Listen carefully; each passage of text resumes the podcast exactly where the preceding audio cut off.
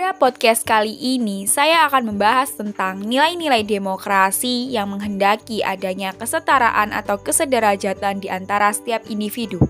Tidak ada istimewa satu kelompok atau golongan dibandingkan dengan kelompok atau golongan yang lain.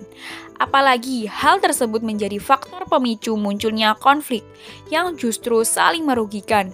Padahal salah satu falsafah demokrasi kita adalah bineka tunggal ika.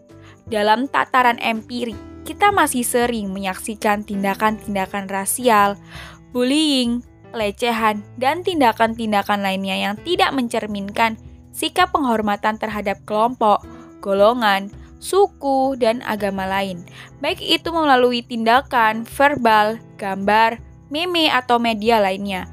Apalagi di dunia maya, saat ini seolah menjadi lahan yang subur bagi tumbuh dan menjamurnya ujaran-ujaran kebencian atau yang disebut hate speech yang saling menghina dan menghujat antara satu individu terhadap individu lainnya atau satu kelompok terhadap kelompok lainnya.